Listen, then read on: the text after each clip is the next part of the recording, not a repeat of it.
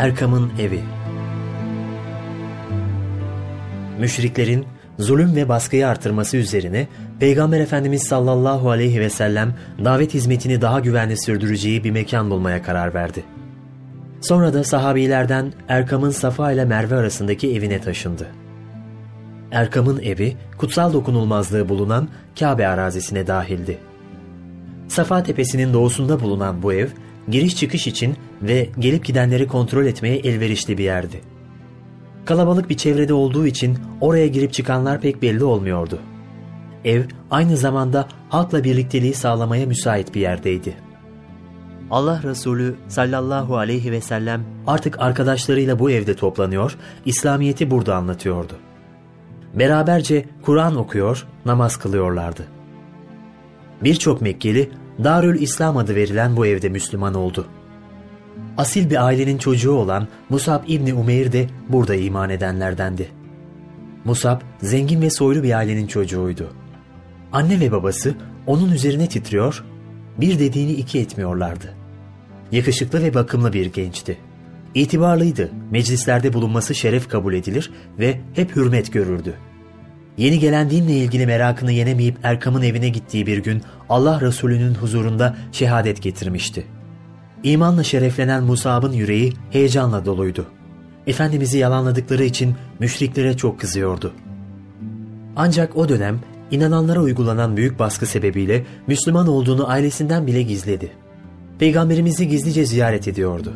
Bir gün komşularından biri onun namaz kıldığını görüp durumu yakınlarına bildirince akrabaları hemen Musab'ın başına toplandılar. Musab da onlara inandığı yeni dini anlatmak istedi. Ve Kur'an okumak üzere ayağa kalktı. Annesi ise onu sert bir tokatla susturmaya kalkmıştı ki Musab'ın saygı uyandıran duruşu ve sakinliği karşısında elini indirmek zorunda kaldı. Ama oğlunun terk ettiği tahtadan taştan ilahlar adına mutlaka öc alması gerektiğini düşünüyordu. Musab'ı hemen bir odaya hapsetti. Mekke'nin bu nazlı ve zengin genci için artık çile dolu zor günler başlamıştı.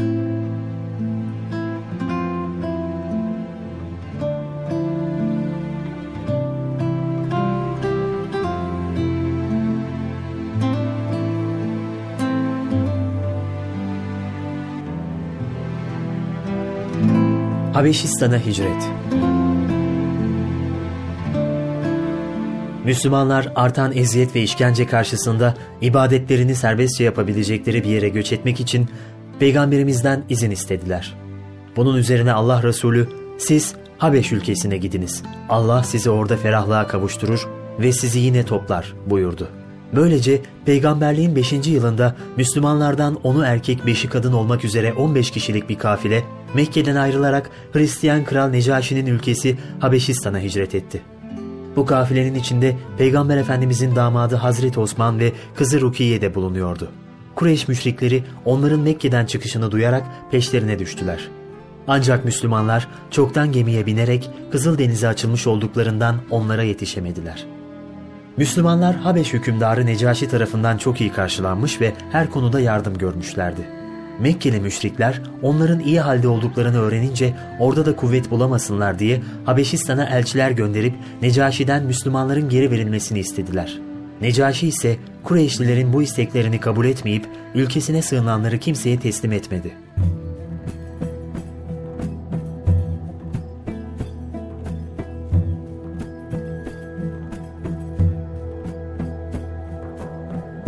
Hem Hamza hem Ömer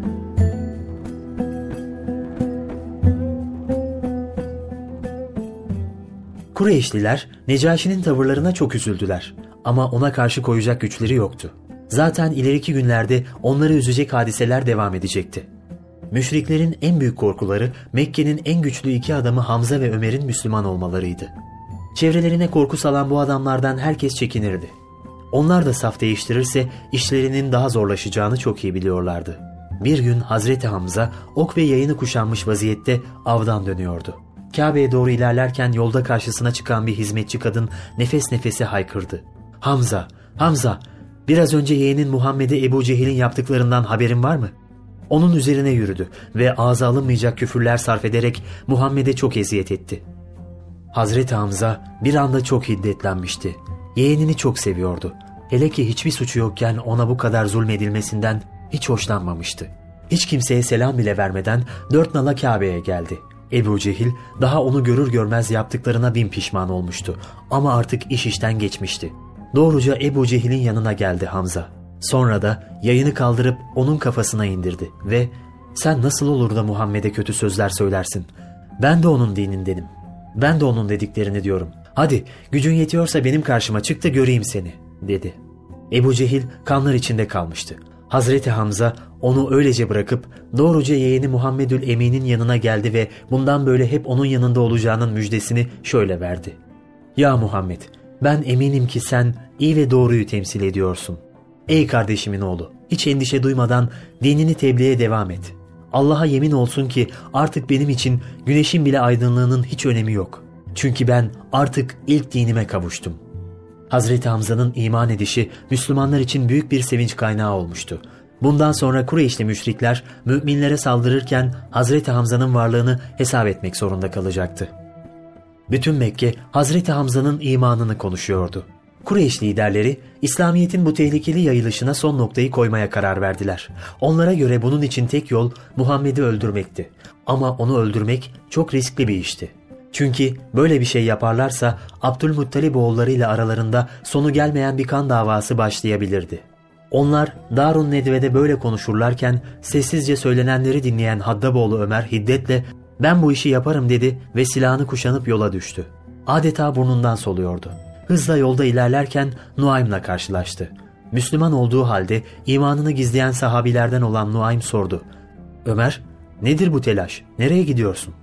Aramıza ayrılık sokan, ilahlarımızı beğenmeyen adamı öldürmeye gidiyorum. Nuaym telaşlanmıştı. Ona vakit kaybettirecek bir şeyler yapması gerektiğini düşündü ve dedi ki, böyle bir şey yaparsan Abdülmuttalib oğulları seni sağ bırakır mı sanıyorsun? Hem kardeşim Fatıma ile kocası Said de onlardan.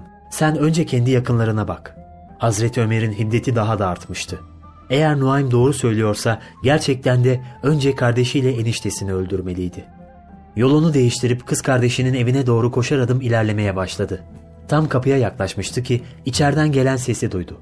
Dikkatle kulak kabartınca Kur'an okunduğunu anladı. Birkaç yıl öncesinde olduğu gibi Allah'ın sözlerinden yine etkilenmişti. Ama hemen kendini toparlayıp kapıyı yumruklamaya başladı.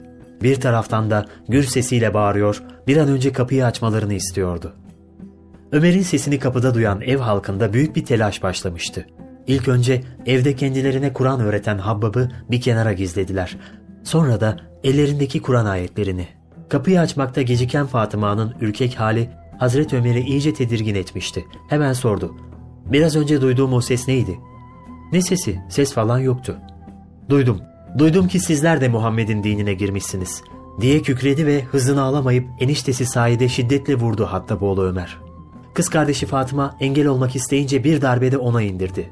Kanlar içinde kalan Fatıma yiğitçe bir tavırla dikildi ağabeyinin karşısına ve ''Evet, biz de Müslüman olduk. Allah ve Resulüne iman ettik. Hadi şimdi istediğini yap bakalım.'' dedi. Ortalığı derin bir sessizlik kaplamıştı. Bir süre öylece kanlar içinde bıraktığı kardeşine baktı Hazreti Ömer. O haline rağmen asil bir duruşla inancını savunuyordu. İmanı ona nasıl bir güç veriyordu ki koca Ömer yumuşuyordu. Kız kardeşine ben kapının önündeyken okuduğunuz şu sayfayı ver dedi. Şaşırmışlardı. Fatıma tereddüt ederek ona bir kötülük yapmandan endişe ediyoruz dedi. Korkma dedi Ömer. Sayfaya hiçbir zarar vermeyeceğim. Sonra Fatıma'nın öğrettiği şekilde gusledip ayetleri eline aldı ve okumaya başladı. Bu sırada Habbab da gizlendiği yerden çıkmıştı. Hazreti Ömer'e ''Ey Ömer, vallahi de ben senin Allah Resulü'nün duasına mazhar olduğunu umuyorum. Dün ben onu Allah'ım ne olur dinini şu iki Ömer'den birisiyle güçlendir. Ömer İbni Hattab ve Amr İbni Hişam diye dua ederken duydum. Allah'a yemin olsun ki duası kabul oldu ya Ömer dedi. Heybetli Ömer artık iki büklümdü. Habbab'a döndü ve ey Habbab beni Muhammed'e götür dedi. Sonra da Erkam'ın evine gitmek üzere yola koyuldular. Hazreti Ömer yoldayken Cebrail aleyhisselam Peygamber Efendimiz'e onun iman etmek için geldiğini müjdeledi. Kısa bir zaman sonra da Hazreti Ömer içeri girerek Peygamberimizin huzurunda diz çöküp Müslüman oldu. Bu güzel hadiseyle Allah Resulü o kadar sevindi ki yanında bulunan sahabilerle birlikte Allahu Ekber, Allahu Ekber diyerek tekbir getirdiler. Hazreti Ömer yaşadığı bu değişimi içinde tutmamak ve hemen bütün Mekke'ye haykırmak istiyordu. Efendimiz'e ''Ey Allah'ın elçisi, müşrikler putları Lat ve Uzza'ya serbestçe tapınırken biz Allah'a ibadetimizi niçin gizli yapalım?'' dedi. Bu teklif Peygamberimiz tarafından kabul gördü. Artık İslam'ın sesini açıktan duyuracak güce kavuşmuşlardı. Hep birlikte dışarı çıktılar ve Kabe'ye doğru ilerlediler. Bu manzara karşısında müşrikler çok tedirgin olmuşlardı. Ebu Cehil koşarak geldi ve endişeli bir sesle sordu. Ne yapmak istiyorsun ey Ömer? Hazreti Ömer'in cevabını etti. Müslümanlara ilişenin kellesini uçururum. Eşhedü en la ilahe illallah ve eşhedü enne Muhammeden abduhu ve rasuluhu. Beni bilen bilir, bilmeyen bilsin ki Hattab'ın oğlu Ömer'im. Karısını dul, çocuklarını yetim bırakmak isteyen yanıma gelsin. Bu meydan okuma üzerine Kureyşli müşrikler çok korkmuşlardı. O gün Müslümanlar ilk defa Kabe'de cemaatle namaz kıldılar. Böylece İslam dininin namaz ibadetini Kabe'yi ziyarete gelen bütün Araplar görmüş oldu.''